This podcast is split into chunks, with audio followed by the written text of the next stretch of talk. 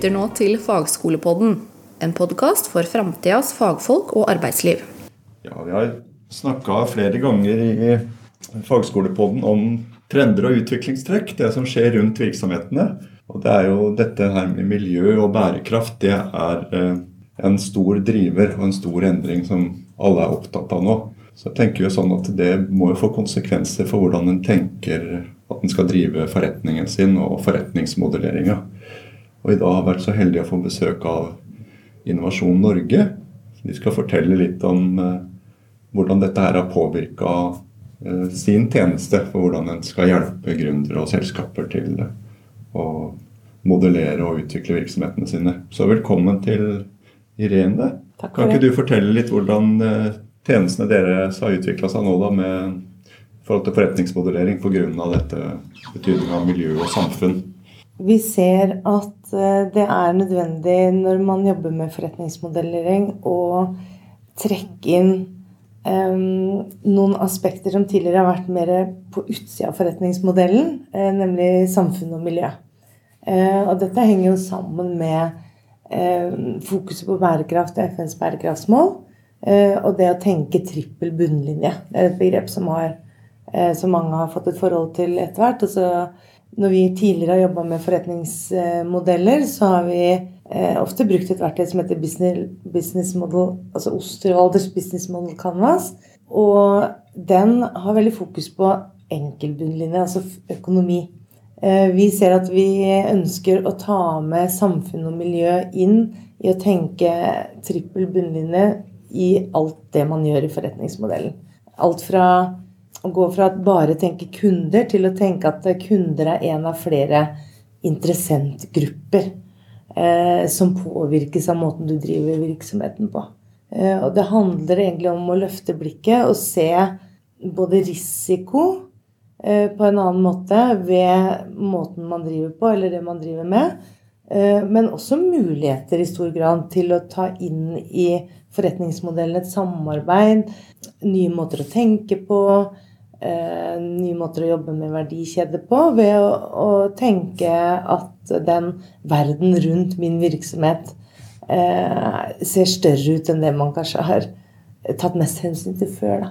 Det at det er tredelt, da, hvilke, hvilke tre deler er det som ligger i det med tredelt bunnlinje? Ja, altså da er det jo På engelsk kaller man det jo uh, people, planet og profit. Uh, menneske, samfunn og miljø. Og altså for oss så handler det jo mye om å ikke bare tenke Økonomi det er en viktig del av bærekraftsbegrepet, men hvor økonomi er tett knytta til å drive på en måte som ikke skader det som er rundt virksomheten, enten det er samfunn eller det er eh, naturen. da. Så det skjer en endring da, fra dette her kunden har alltid rett, at du skal tenke litt videre på hva verdiskaping egentlig er for noe.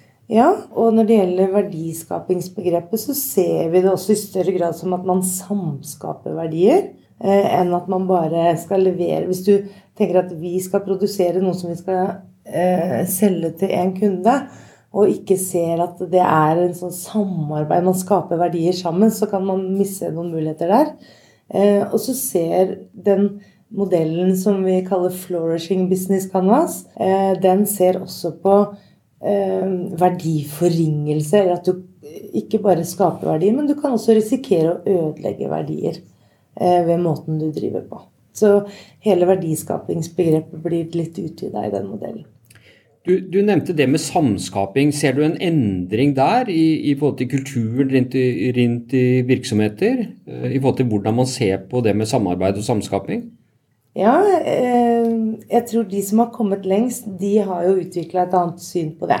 Men vi har en vei å gå generelt sett. Det er fortsatt mye tradisjonell tenking rundt dette. Så, så på noen områder så er det litt nybrottsarbeid. Det er det.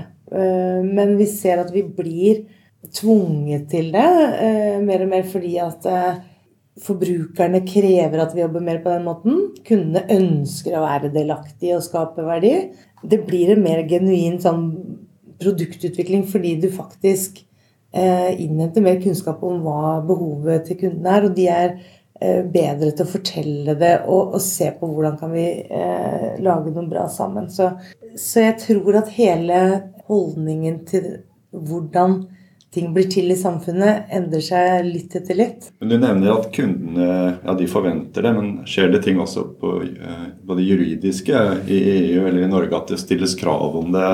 At en skal lage forretningsmodeller på den måten for å få finansiering eller være aktuell? Um, så både lovgivende myndigheter, altså regulatoriske endringer, kommer. Eh, krav til rapportering. Det skjer mye på myndighetssida som gjør at man må eh, forholde seg til det. Eh, åpenhetsloven som kom i juli, den stiller jo krav om at det eh, foreløpig for større virksomheter, men kommer helt sikkert til å gjelde flere typer. Eh, at du skal ha, kunne svare på hvordan virksomheten drives, også i leverandørleddet og hos samarbeidspartnere. Så vi ser allerede mye endringer der. Også avfallsbransjen ser på Eh, nye lovforslag hvor du har et produsentansvar. Hvor du eh, får et ansvar for hva som skjer med et produkt etter det har forlatt deg. Etter at det har blitt brukt.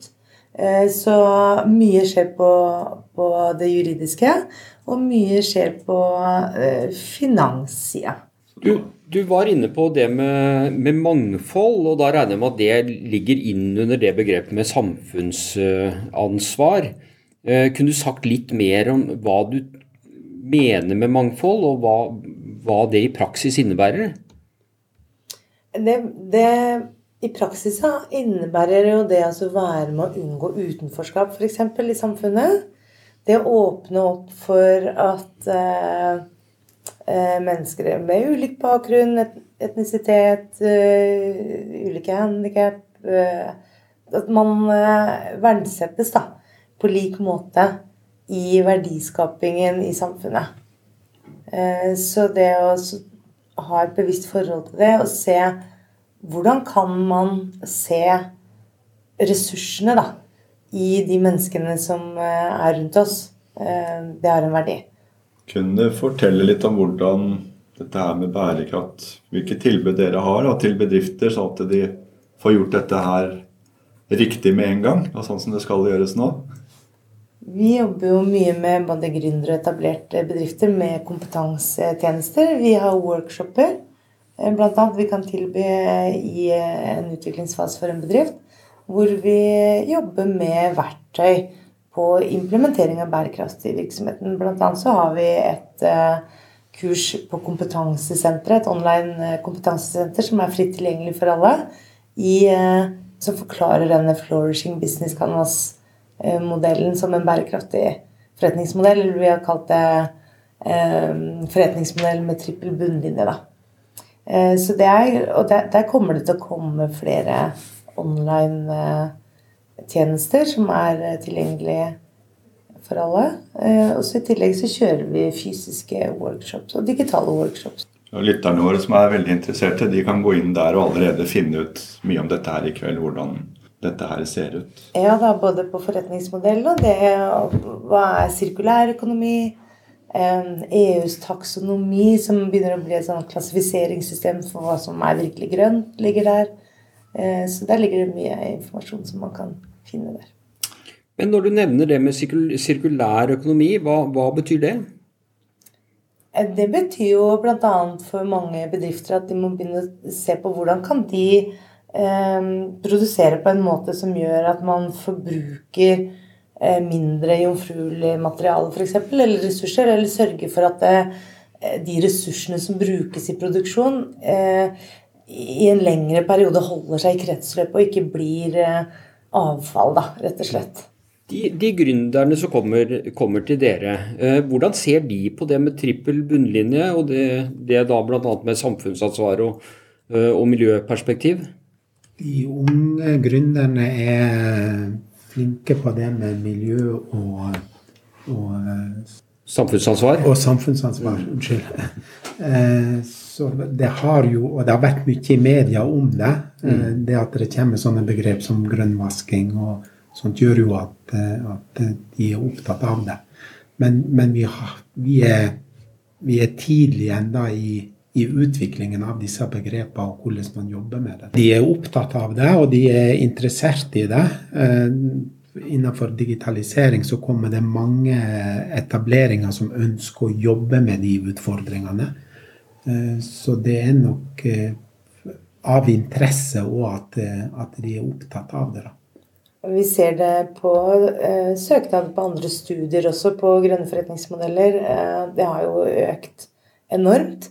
Eh, så det er en eh, genuin interesse. Vi ser det også på rekruttering eh, til mange bransjer. At de unge søker seg jobber hvor det er et bevisst forhold til det i, i virksomheten. Så det, det er nok en, en, ekte interesse, men selvfølgelig kombinert med at man ser de kravene som kommer. Da. Det, er, det er en kombinasjon. Det er fornuftig, rett og slett. Og da er de unge fornuftige, da. Ja, Det, det syns jeg var en strålende, strålende, avslutning.